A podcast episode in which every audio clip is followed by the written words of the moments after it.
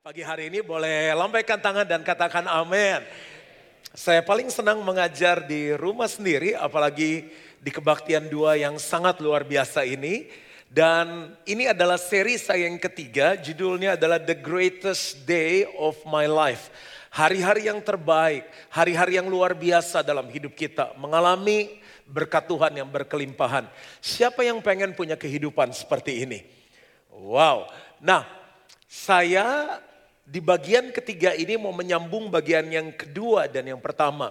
Di bagian yang pertama saya membahas kuncinya kalau mau mengalami the greatest day of my life adalah mengubah cara berpikir. Saya bahas itu di sesi yang pertama. Kalau saudara belum dengar, belum ikut, saudara boleh ikuti CD-nya. Dan di bagian yang kedua, saya membahas tentang jiwa yang miskin dan jiwa yang makmur. Pikiran yang miskin dan pikiran yang makmur. Kenapa itu penting dibahas? Supaya saudara bisa check up jiwa kita, check up pikiran kita. Karena kalau jiwanya makmur, hidupnya makmur. Itu kuncinya. Dan di seri yang ketiga ini saya mau bahas bagaimana meninggalkan jiwa yang miskin. Supaya kita punya jiwa yang kaya. Saya nggak pernah bosan gambar ini dan saya berharap saudara nggak bosan karena saya dengar masih ada yang nyebut ini terbolak-balik masih keliru. Juan Mogi di depan ini saya kasih JM yang ganteng ini kata istri saya. Ini adalah manusia roh, jadi saya nggak mengada-mengada, makanya dari semua laki-laki itu aku yang beruntung. Saya ini manusia roh yang memiliki apa? Jiwa. Karena kalau saudara ngerti hal yang prinsip ini, kerohanian kita luar biasa. Jiwa ini terdiri dari tiga, yaitu pikiran, yang kedua adalah perasaan, dan yang ketiga adalah kehendak.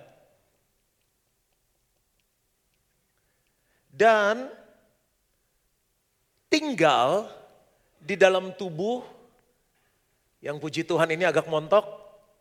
Ah, ini tubuh. Jadi Juan Mogi, kita semua adalah manusia roh yang memiliki jiwa dan tinggal di dalam tubuh. Bicara the greatest day of my life, setiap kita pengen hidupnya makmur. Hidup yang makmur ini ditentukan oleh jiwa yang makmur, terutama kalau pikirannya mau dirubah. Paling susah merubah pikiran. Badan gampang banget dirubah. Saya bisa ke Korea sebentar, mata saya langsung begini. Bisa. Sedot lemak dikit, kiri kanan, suntik-suntik dikit, kuyus. Bisa. Roh gampang di jamaah Tuhan, new life, selesai udah, nangis, jatuh. Tapi kok nggak berubah-berubah hidupnya? Masalahnya di pikiran, di jiwa. Kalau jiwanya makmur, hidupnya makmur. Jiwanya miskin, hidupnya miskin. Yuk kita buka 3 Yohanes 1 ayat yang kedua. Saudaraku yang kekasih, aku berdoa Semoga engkau baik-baik dan sehat-sehat saja dalam segala sesuatu. Masih ingat lima area? Rohani, jasmani, keuangan, hubungan atau keluarga, karakter atau emosi. Sama seperti jiwamu baik-baik saja. Beloved, bahasa Inggrisnya bilang begini, I pray that you may prosper in all things. Prosper itu makmur and be in health just as your soul prospers. Kalau jiwanya makmur, tubuhnya makmur. Banyak orang berdiri di samping dermaga dan dia bilang begini, kapan ya kapalku itu sampai? Masing-masing merindukan kapal yang berbeda. Tapi menurut saya daripada menunggu kapan kapalnya sampai, mendingan benerin hidup kita. Karena ada banyak orang yang nggak benerin hidupnya, jiwanya, pikirannya. Begitu kapal itu sampai, bicara mengenai jodoh, berkat, pikiran yang gak dibaharui, bisa menenggelamkan kapal yang mewah sekalipun. Percaya enggak? Dalam dunia yang maju, negara yang maju, ada orang yang nggak maju. Dalam gereja yang berkembang, ada orang yang nggak berkembang. Dalam perusahaan yang besar, ada orang yang tetap kecil. Kenapa? Cara berpikir. Contoh, kalau nggak percaya pergi misalnya ke Amerika yang katanya negara adik kuasa. Saya pergi ke beberapa negara bagian, di negara yang sangat hebat itu katanya konon masih ada pengemis yang duduk bersila, lalu pakai karton, no food, no shelter, no job, no money. Artinya nggak ada makanan, nggak punya uang, nggak punya pekerjaan, nggak punya tempat tinggal. Tragis ya. Tapi jalan beberapa jauh, ada toko-toko yang tulis gini, dibutuhkan pegawai baru. Nah orang ini yang duduk yang no job, no food, no shelter, no money. Berharap ada orang yang setiap kali lewat ngisi. Konclang, kunclung, kumprang, konsreng, masuk. Dan dia bisa hidup, dia bisa makan. Menurut saya cara berpikirnya agak salah. Daripada setiap hari nunggu orang datang, kenapa dia nggak rubah cara berpikirnya? Dia tinggalkan semuanya dan dia mulai ngelamar di salah satu toko itu walaupun mulainya dari kecil. Cara berpikir. Orang-orang pinter kumpul dan mereka mikirin gimana cara nolong orang miskin ya. Jadi mereka hitung kekayaan seluruh orang kaya di dunia termasuk di kebaktian dua ini Ya kalau saudara nggak pede nggak apa-apa kan. Yang paling penting gembalanya pede dulu. Termasuk kekayaan seluruh kebaktian kedua ini. Lalu dibagi dengan jumlah penduduk yang ada di muka bumi ini. Di Cina yang sedikit itu penduduknya. Di India, di Afrika, di Indonesia, negara makmur dibagi rata. Tahu nggak satu orang dapat berapa per kepala? 12 juta US dollar. Coba bilang wow. Banyak gak tuh ya? Itu beli bihun bebek aeng, kita berenang tuh di shopnya. Banyak sekali tuh 12 juta dolar. Lalu mereka bikin penelitian gini. Lima tahun lagi orang miskin yang dapat 12 juta dolar kan semua rata.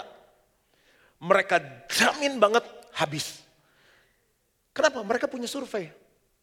Orang-orang yang dapat lotre kaya, darah miskin, bangkrut. Belum lima tahun.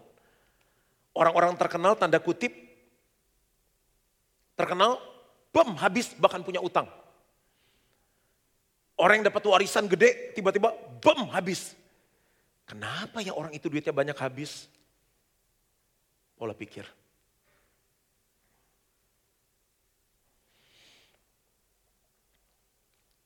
Efesus 4 ayat 17 sampai 24. Pelan-pelan aja. Sebab itu kukatakan dan kutegaskan ini kepadamu di dalam Tuhan. Kebaktian dua. Jangan hidup lagi sama seperti orang-orang yang tidak mengenal Allah dengan pikirannya yang sia-sia. Kata apa yang dibahas? Pikiran. Dan pengertian yang gelap. Orang kalau pengertiannya ngaco, lahir dari pikiran yang ngaco. Jauh dari hidup persekutuan dengan Allah. Karena kebodohan yang ada di dalam mereka. Dan karena kedegilan hati mereka Pikiran ada di mana? Di hati. Ayat 19. Perasaan mereka telah tumpul di jiwa tuh. Sehingga mereka menyerahkan diri kepada hawa nafsu. Dan mengerjakan dengan serakah segala macam kecemaran. Tetapi kamu kebaktian dua bukan demikian. Kamu telah belajar mengenal Kristus. Makanya pastor kalau ada di Jakarta ngajar aja deh karena kamu telah mendengar tentang Yesus dan menerima pengajaran di dalam Yesus menurut kebenaran yang nyata dalam Yesus. Yaitu bahwa kamu berhubung dengan kehidupan kamu yang dahulu harus, bilang sama-sama harus menanggalkan manusia lama. Ingat baik-baik kata ini, harus menanggalkan manusia lama. Yang menemui kebinasaannya pasti binasa, makanya harus ditanggalin oleh nafsunya yang menyesatkan. Ayat 23, Supaya kamu dibaharui dalam roh. New Life kemarin tuh memperbaharui area mana? Roh. Tapi disebutkan apa? Pikiran. Ini yang harus diperbaharui. Dan mengenakan manusia baru. Tadi menang, menanggalkan manusia lama, mengenakan manusia baru. Yang telah diciptakan menurut kehendak Allah di dalam kebenaran dan kekudusan yang sesungguhnya. Coba bilang sama-sama menanggalkan manusia lama, mengenakan manusia baru. Sekali lagi deh, menanggalkan manusia lama, mengenakan manusia baru.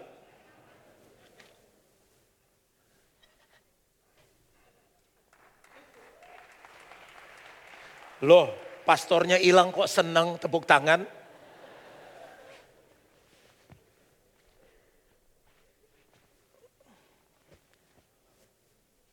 Tada, dikirain keluar Jeco ya, oke. Okay.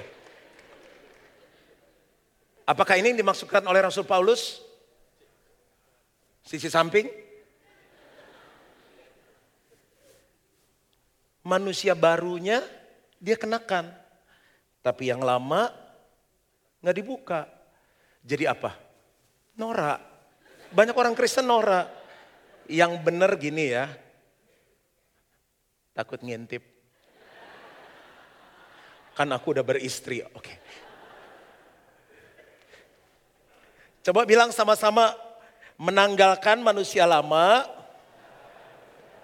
mengenakan manusia yang baru. Uh, uh, tolong ulangi 10 kali sampai pastor selesai. Sekarang bilang sama kiri kanannya menanggalkan manusia lama,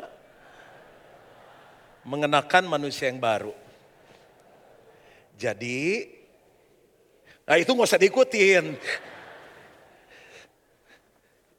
Yang benar adalah seperti begini. Hitungan yang ketiga, satu, dua, tiga. Ini mengenakan manusia yang baru.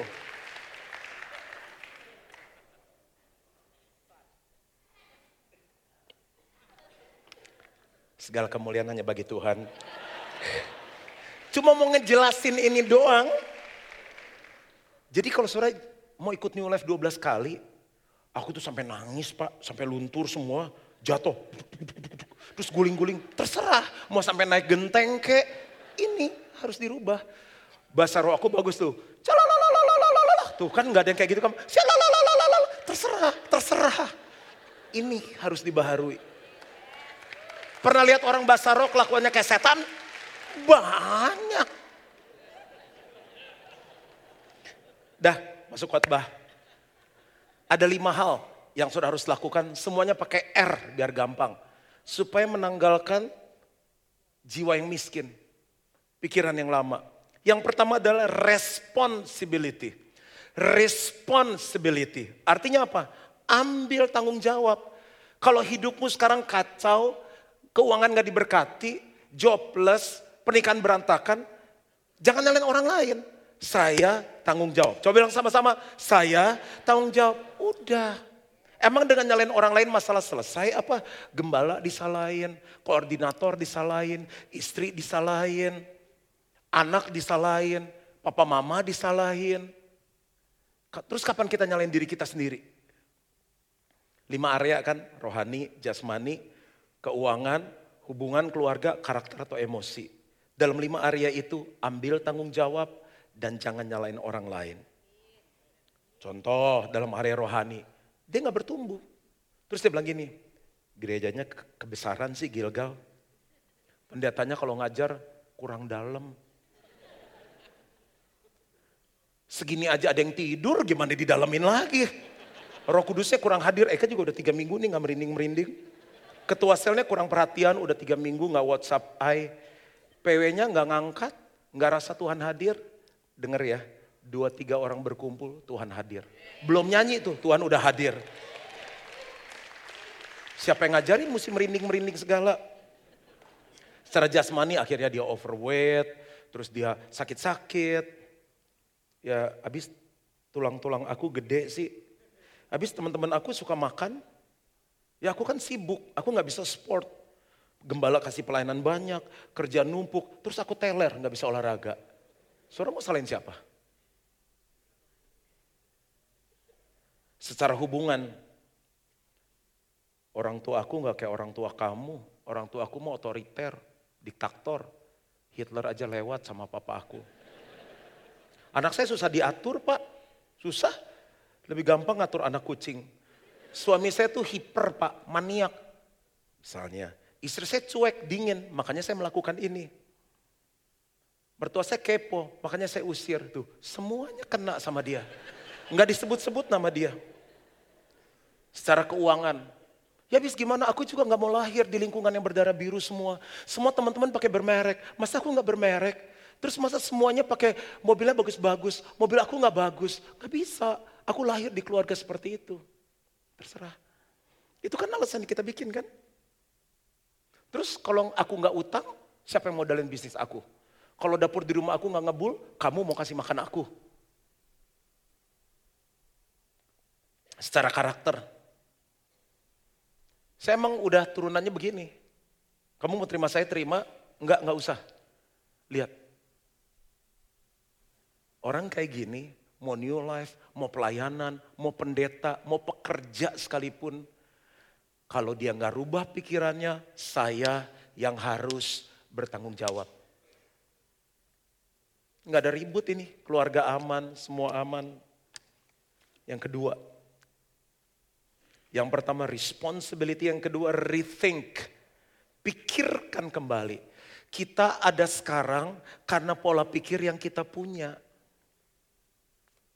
Coba pikirin, hidup kita sekarang berat atau ringan? Hidup kita naik atau turun? Hidup kita berbuah atau mandul? Hidup kita oke okay or not oke? Okay? Hidup kita buat Tuhan senang atau buat Tuhan sedih? Nah kalau hidup kita sekarang berat, hidup kita turun, hidup kita nggak berbuah, hidup kita bukan buat Tuhan sedih, renungkan mungkin cara berpikir kita salah. Contoh cara berpikir yang salah yang kita pertahankan dan mengakibatkan masalah dalam hidup kita.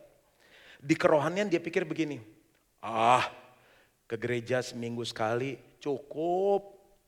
Store muka sama pendeta, store muka sama Tuhan cukup. Saudara kepikir enggak nanti kalau ketemu Tuhan ditanya, aku kasih kamu talenta nyanyi, kamu pakai enggak? Aku kasih kamu talenta mimpin, kamu mimpin enggak? Aku suruh kamu muridin, kamu muridin enggak? Aku suruh kamu bersaksi menangkan jiwa, kamu menangkan jiwa enggak? Secara keluarga, lu diam lo, lu diam. Pokoknya gue cari duit, Lu mau beli apa? Beli. Ya, beli. Gua gak ada masalah sama harga. Pokoknya musim panas, musim dingin, kita liburan, jalan-jalan. Lu pilih. Mau ke bulan, mau ke mana, gue bayar. Orang sukses kan?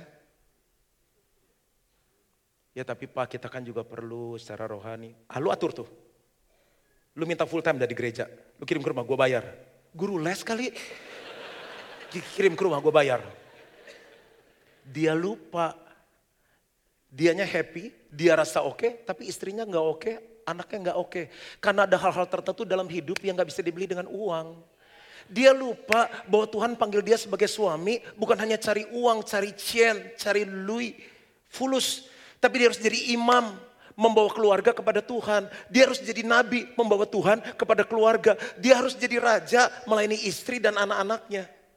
Sampai begitu masalah terjadi, ketemu ketemu gembala. Gimana nih Pak? Gimana nih Pak? Semua saya cukupin kok, semua saya cukupin.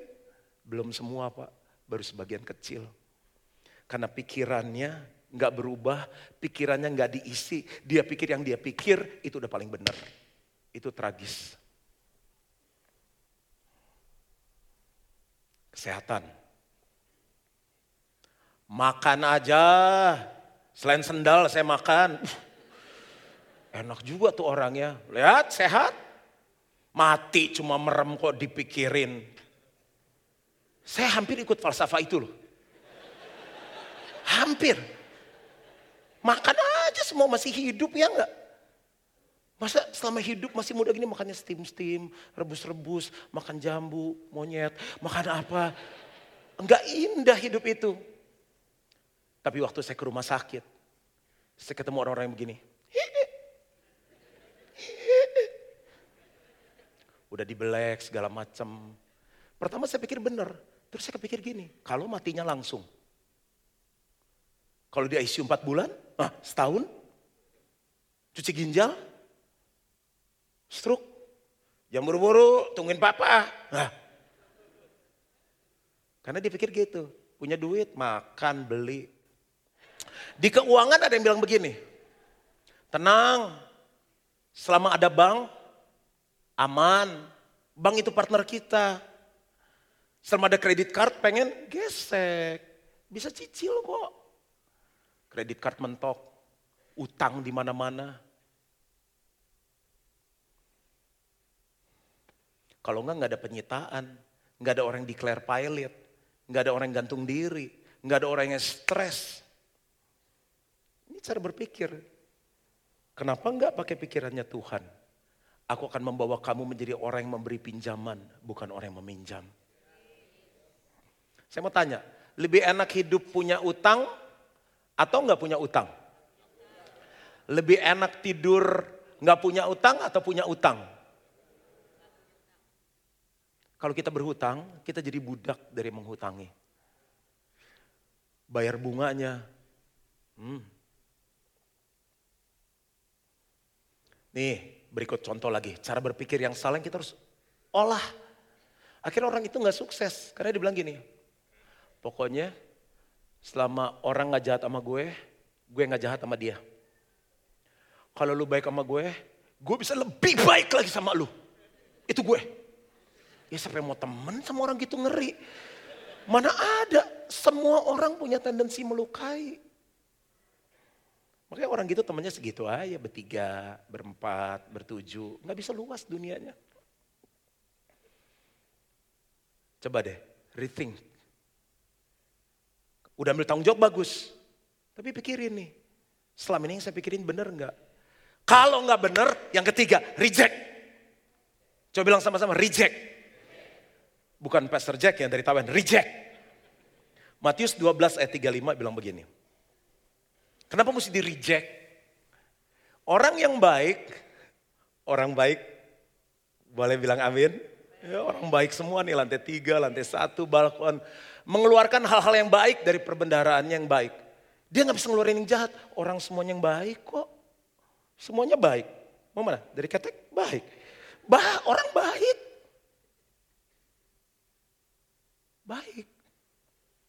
Dan orang yang jahat mengeluarkan hal-hal yang jahat dari perbendaharannya yang jahat.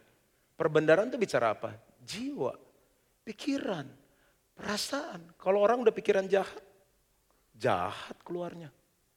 Ngeri ya. Kenapa harus ditolak? Karena ini menghalangi kita untuk punya hidup yang makmur. Ini bagian paling sulit. Ngerubah, ngerubah belahan sisir aja susah. Ngebayang gak sih aku belah tengah? Susah itu. Ngerubah rute lama. Dad, macet, dad lewat situ. Diem. Itu. Tetap aja lewat jalan itu. Susah. Ganti temen, dia udah tahu teman-teman ini nggak benar. Buat dia mundur, buat dia nggak pelayanan, gosip. Kalau kita bilang nih, reject. Ambil handphone sama-sama. Jarang pendeta suruh angkat handphone. Nomor telepon mami-mami, you know, What does mami mean? Supplier. Mother, germo, hapus. A. Penyalur-penyalur narkoba, sabu-sabu. Apa, lagi itu? Gele, hapus. Supplier-supplier yang, Ci, baru nih tasnya nih dari kulit monyet. Hermes kulit monyet ini. Warnanya juga tuh lihat. Biasa kan hijau tai kuda, ini hijau tai monyet. Bagus kan? Hapus, hapus. Itu suka buat kita kredit-kredit itu. Siapa lagi yang harus kita hapus? Kok serem sekali vampir pak? Apa? Oh mobil, bapak lemah di mobil. Hapus. Hapus. Yang suka diganggu lewat Instagram, Facebook, kirim-kirim WhatsApp, video-video porno, hapus. Tegas pastor, hapus. Kita jadi orang kampung pak, nggak punya Facebook, nggak punya Instagram, nggak punya WhatsApp. Kampungan, tapi hidupnya makmur. Daripada hidupnya makmur, hidupnya kampungan, ayo ulang-ulang pelan-pelan. Mendingan kayak orang kampung SMS. Gue SMS lu, WhatsApp, gue udah hapus. SMS aja. Karena SMS nggak bisa kirim video porno. SMS aja. Kampungan kan, tapi hidupnya makmur dan masuk surga. Daripada keren, kampungan. Mulai marahkan. Ini baru poin ketiga loh. Sudah nggak ada amin lagi, sudah nggak ada tepuk tangan lagi. Saya itu hubungan sama istri saya ini kan Tony kita 15 tahun ya, yang ya. 15 tahun. Ah 15 tahun aja berisik. Eh ada yang 3 tahun udah pisah loh. Saya bisa happy sekarang karena saya rubah cara berpikir. Cara berpikir saya tahu nggak, melayani itu di gereja, di rumah dilayani. Pulang ada yang mijitin, ya kan? Terus akhirnya kan orang mijit di luar, di rumah nggak dipijitin, misalnya begitu. Terus kebanyakan nonton film juga jelek loh. Saya pulang kan si Pretty Woman itu, dia udah nggak pakai baju terus pakai dasi, hi darling. Pas saya pulang capek di luar negeri, dia lagi ngajar anak. Empat tambah tujuh, berapa begitu. Loh kok beda ya di film ya. Akhirnya kita pernah ngobrol-ngobrol gitu. Saya sih nggak sampai berantem gini. Nggak pernah ngobrol. Lus, kenapa jadi begini pernikahan kita ya? Kamu ingat ya, saya pernah ngomong gini, apa kita perlu konseling? Istri saya bilang gini, terserah kamu. Sampai begitu loh. Jarang loh pendeta cerita keluarganya. Dicatat lagi gini, penting-penting nih dicatat katanya. Buat gosip nanti makan siang. Terserah kamu kata dia. Saya lagi baca-baca, gue salah apa ya gue ngajar keluarga, gue juga orang gak jahat-jahat banget, gue nggak minta macem-macem. Kalau suami udah datang tuh peluk, dicium apa. Dan saya tahu tipe istri saya bukan tipe romantis. Saya sering ciumin dia. Sampai Tuhan bicara sesuatu gini, cara berpikir kamu yang salah. Selama kamu menikah, kamu pengen dilayani, kamu gak akan bahagia. Sekarang pikirannya gini, bagaimana bahagiain istri sama anak, bagaimana kamu melayani istri sama anak. Selesai. Udah. Nah ini saksinya nih, saya berubah nggak? Ya udah pokoknya selama istri saya happy, saya happy. Dikasih, nggak dikasih, puji Tuhan.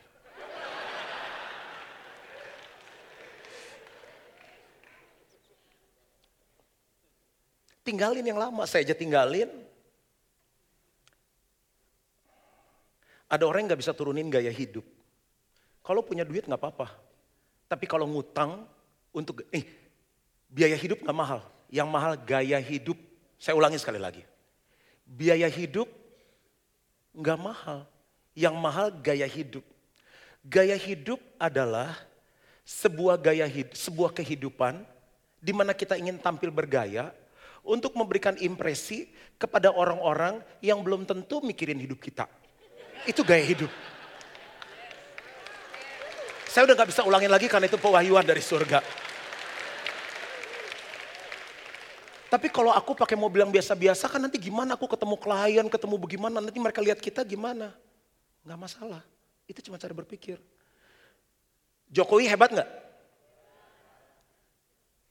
Ahok hebat gak? Nanti kalau ada yang kenal tolong sampaikan ya. Kalau Jokowi sama Ahok naik kijang, berubah gak negara kita? Tetap dia mimpin yang bagus, tetap dia jujur. Kalau Jokowi sama Ahok naik ekonomi kelas, apakah orang jadi nggak respect sama dia? Tetap respect. Jadi respect bukan karena dia naik mobil apa dan duduk di mana. Tapi karena kehidupan. Itu respect. Tapi kalau punya uang silahkan. Ah, walaupun sudah 8 tahun yang lalu. Tapi aku tetap suka anak-anak. Hmm, cup, cup, cup, cup, cup. Siapa yang pernah punya baby? Siapa yang babynya pup? Siapa?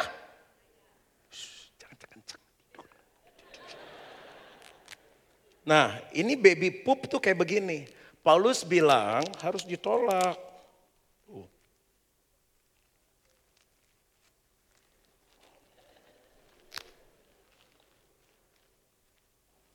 Ya ampun, ee-nya belepotan. Aduh. Aduh.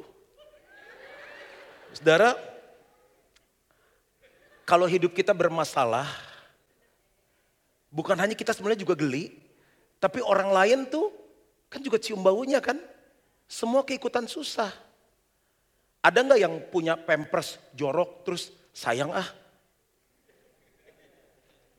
Apa sih ini? Enak. Ada yang masih suka lu gaya hidup yang enak begini. Terus bisa nggak saya tutup begini? Udah udah cepetan-cepetan biar gak repot. Bedakin. Terus. Udah udah cepetan-cepetan biar gak repot. Pakaiin pampers yang baru. Bisa nggak gini? Bisa. Bisa kacau, nggak bisa. Yang benar adalah buka, walaupun belepotan. Udah jangan dicobain lagi.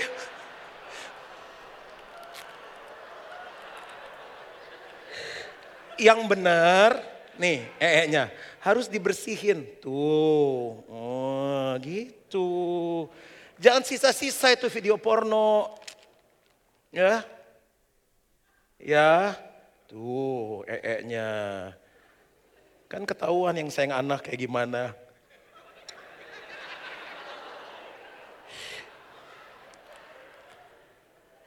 Ini emang boleh bayi palanya di bawah.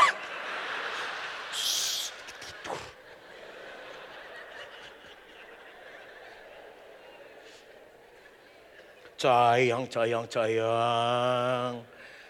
Begitu udah bersih, baru dibedakin. Ini juga salah bedakin.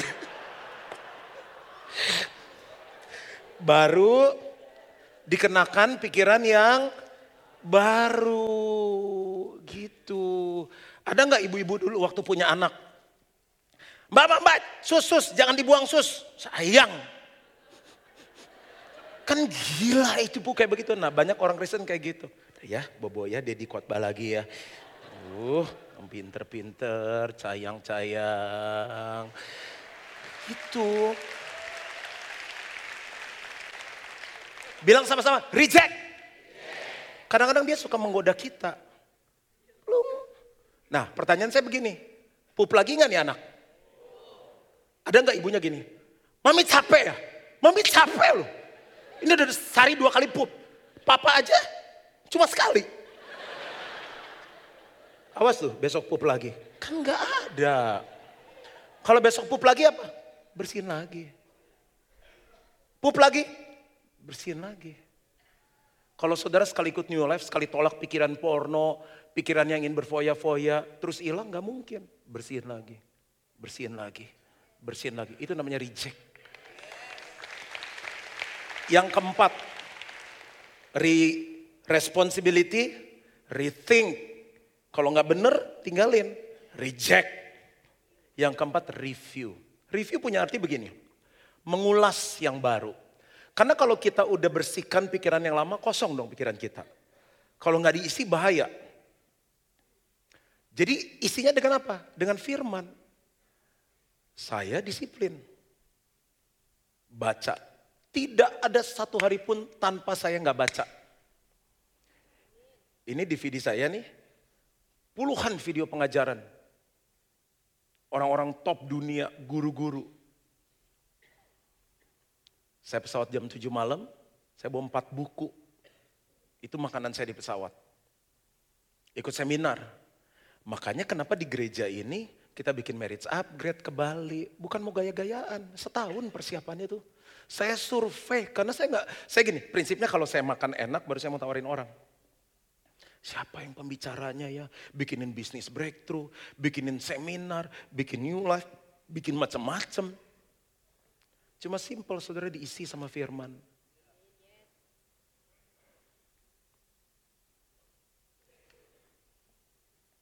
Coba ya, ini kan udah bersih nih kotoran lama. Bayangin sekarang gini, di reviewnya yang baru nih. Aduh enak ya bebas utang. Tiap bulan gak usah bayar bunga. Punya cash yang cukup di tangan. Hari tua punya uang. Bisa memberi untuk orang susah. Bisa memberi untuk pekerjaan Tuhan. Itu namanya review. Mengisi dengan yang baru. Bapak Ibu, kenapa kita harus review, diulas, direnungkan, diisi dengan yang baru? Karena kalau pengetahuan kita naik, kehidupan kita naik. Ada banyak tuh Pak yang orang hidupnya naik, pengetahuannya dia nggak pernah belajar-belajar. Berapa banyak orang yang berkuasa, pikirannya kecil, posisi tinggi, pikiran pendek. Kaya, luas, pikirannya sempit. Dan anak-anak terluka karena punya orang tua seperti itu. Jemaat terluka karena punya pemimpin taunya berapa banyak gereja, berapa perpuluhan, berapa jemaat. Nggak dipikirin gimana dia maju. Di pikiran saya cuma satu, gimana jemaat Gilgal tiap minggu tambah maju, tiap bulan tambah maju. Seringkali saldo kita nol, habis habis-habisnya. Cimeing, selamat untuk jemaat, keluarin, keluarin. Kalau kita nggak bisa penuhin budget, kita bilang kita ada budgetnya sekian. Nggak ada sisa-sisa. Cadangan ada. Kalau ada apa-apa kan Alkitab harus ada cadangan. Tapi dana di pos sebisa mungkin buat jemaat maju. Bentar lagi saya kirim pengerja 100 juta lebih tuh bayar seminar. Kirim 100 juta. Gak masalah. Kirim orang ke Amerika, kirim orang ke mana. Yang penting gereja ini maju, jemaat maju. Karena saya tahu kalau pengetahuan naik, hidup orang naik. Umatku binasa karena gak punya pengetahuan akan Tuhan. Pengetahuan itu dasar dari bangunan kehidupan. Yang saya kesel udah hidupnya berantakan, hidupnya gak maju, suruh pertemuan susah, suruh seminar susah. Dengar firman tidur, main Instagram, main Facebook. Ini banyak CCTV di sini. Gak percaya lihat aja. Saya kemarin suruh peragain tim saya. Ketahuan katanya kalau orang tuh dengar firman pegang handphone nyatat ada yang gini. Ada yang selfie. Saya bilang kalau Instagram gimana? Begini tangannya. Bisa lu diikutin lu. Ketahuan dari belakang. Jika pengetahuan kita kecil atau dangkal, hidup kita juga seperti itu. Dan yang terakhir saya selesai. Resound. Mesti digaungkan atau dibudayakan. Karena gaya hidup yang baru tuh nggak gampang. Saat kita mulai mengatakan sesuatu yang baru, kita itu lagi ngomong hidup saya ini mau jadi seperti ini. Dan akhirnya kita akan punya hidup yang seperti itu. Ulang. Saat kita mulai menggemakan perubahan pikiran-pikiran baru kita, kita lagi ngomong hidup saya tuh nanti mau jadi seperti itu. Dan nanti terjadi hidupnya seperti itu.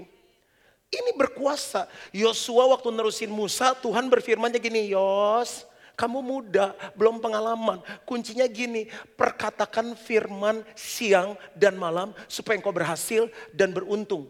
Hoki, siapa yang pengen berhasil dan beruntung dalam hidupnya? Itu kan the greatest day of my life. Kuncinya apa? Gaungkan, sounding. Iman timbul dari pendengaran dan pendengaran akan firman. Kenapa ada orang hidupnya begitu percaya, begitu beriman, begitu menyala-nyala? Karena yang dia masukin ke inputnya cuma firman, cuma kebenaran, cuma firman Tuhan. Kenapa ada orang hidupnya penuh ketakutan, penuh kepahitan, kekecewaan, marah sama orang yang karena masuk di telinganya itu sampah. Kalau nggak percaya, kumpulin anak kita, tiap hari ngomongin, lu bego semua anak, lu bego lu semua. Itu di New Life kemarin kan suaminya kalau marah bilang apa sama istrinya? Anjing. Istrinya balas apa? Bego. Lama-lama tambah kayak anjing. Dia istrinya benar-benar bego. Saudara percaya nggak kalau kita ngomongin bego, itu orang akan jadi bego? Orang yang nggak gitu cakep, kita tiap kali ketemu, kita bilang begini orang tua, aduh si kasep, kasep teh, bahasa Perancis.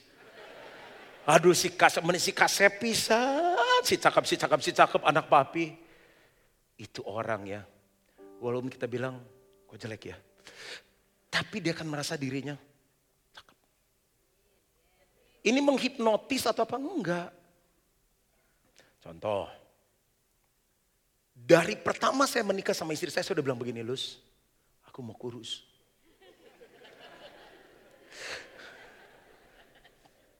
Istri saya pusing. Dijatahin marah. Disiapin ini, kok cuma ini makanannya, gimana mau kurus? Sering saya ngomong. Tapi jangan salah, saya udah sampai poin 5 tuh, resound. Kejadiannya dua tahun yang lalu. Ini terstabil, 13 setengah kilo, nggak naik-naik lagi.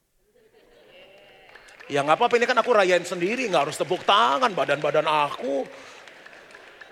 Tapi itu karena saya ngucapin, gereja ini nggak sebanyak gini dulu. Yang ikut dari Plaza Sentral, dikit. Tiap pagi saya ngomong ini, sampai tadi pagi saya bangun jam 5 saya masih ngomong. Gereja Gilgal akan jadi gereja yang besar, gereja yang bertumbuh, gereja yang diberkati Tuhan, gereja yang menjadi serupa Kristus, gereja yang jadi pengaruh, gereja yang suka berdoa. Walaupun kau lihat kebaktian doa banyak sekali. Cuma tiga persen datang. Tapi saya tetap bilang, gereja ini akan jadi gereja yang berdoa, gereja yang memuji Tuhan, gereja yang memberi, gereja yang diberkati. Belasan tahun tuh saya sounding terus. Gak ada jiwa baru, sepi. Tapi semua yang masuk bukan hanya tertanam di pikiran, tapi masuk ke alam bawah sadar. Dan banyak dari hidup kita digerakkan oleh alam bawah sadar kita. Contoh, kena air panas. Itu alam bawah sadar, refleks namanya. Coba gini, kalau kena air panas alam bawah sadar nggak bekerja. Ihi, oh itu Michael Jackson, ihi. Atau you, atau gimana. Kan au, itu normal kan. Kita dapat dapat barang yang bagus, wow, itu alam bawah sadar, nggak usah diprogram. Kita nggak usah ngomong apa, ngomong apa, nggak usah begitu udah. Wow, karena terus ditangkap. Nah kalau kita nggak diisi firman, nggak suka sounding, apa yang mau keluar? Ini ada istri saya, saya sering ngomong sama dia sayang, I love you. Kamu istri yang luar biasa. Mami tidak ada duanya. Iyalah cuma satu gitu istri saya jawab begitu.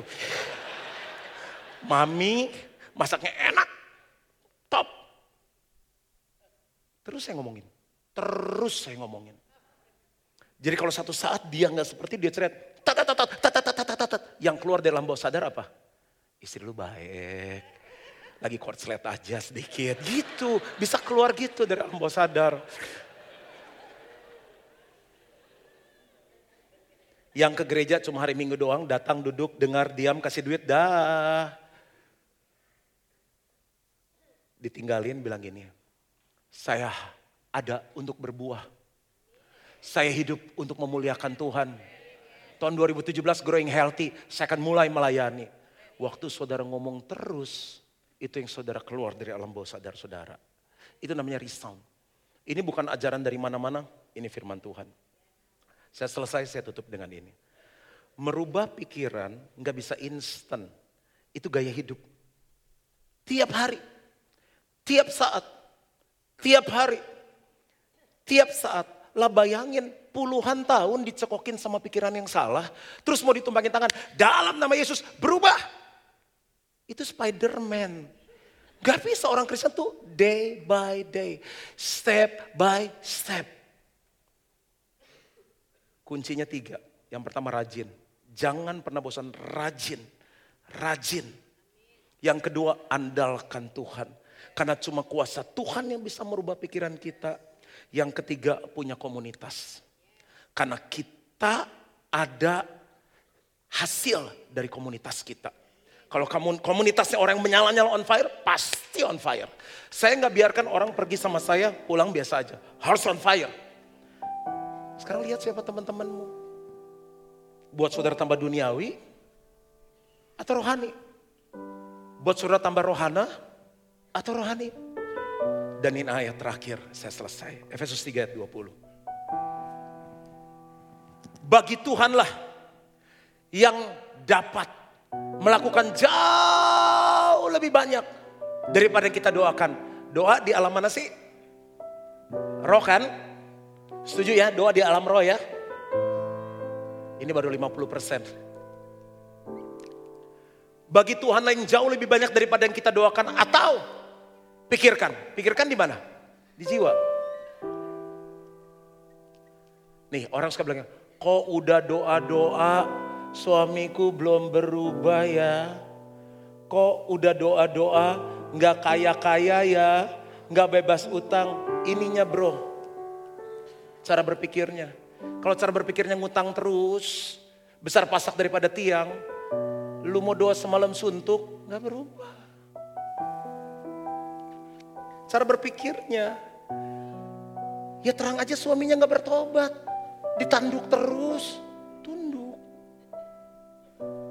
Gimana? Jelas nggak? Sampai pastor nyangkol di papan nih, saudara nggak jawab. 50% roh, doa bagus. Makanya kebaktian doa kita kan penuh. 50% pikiran. Ini yang jarang diajarin gereja. Mainnya tumpang tangan, tumpang kaki. Bagus 50%. Seperti yang ternyata dari kuasa yang bekerja di dalam siapa? Di dalam kita udah ada kuasanya. Tinggal suruh mau rubah cara berpikir atau enggak. Lima cara menanggalkan jiwa yang miskin. Tuhan memberkati. Mari bangkit berdiri sama-sama. This is my desire to honor you. To honor you. Lord with all my heart.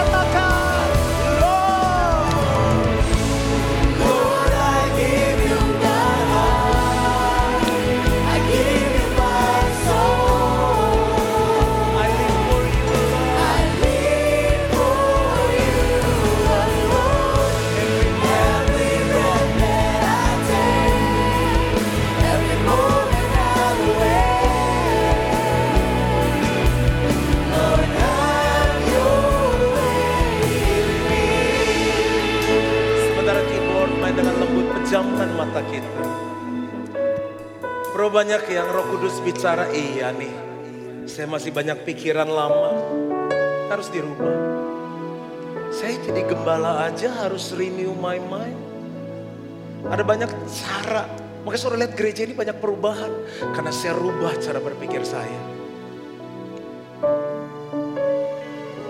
Hal-hal sederhana. Khotbah tuh lebih panjang, lebih bagus. Ya, simpel aja sekarang 40 menit. Yang penting message-nya sampai sederhana. Saya pun terus berubah. Coba lihat keadaan kita sekarang. Kemungkinan ada cara berpikir yang perlu dirubah. Karena Tuhan udah bilang bagi Tuhanlah yang sanggup melakukan jauh lebih banyak dari yang kita doakan atau pikirkan. Bro banyak yang bilang Tuhan aku mau meninggalkan cara berpikir yang salah. Taruh tanganmu di dadamu itu melambangkan hatimu bilang ini aku Tuhan. Aku berdoa mereka begitu rendah hati. Yang pertama Tuhan ajarkan kami harus rajin because it is a daily process. Tapi yang kedua kami harus mengandalkan Tuhan. Gak gampang rubah gaya hidup yang lama, teman yang lama. Tapi roh kudus kasih mereka, kasih karunia. Sanggupkan mereka.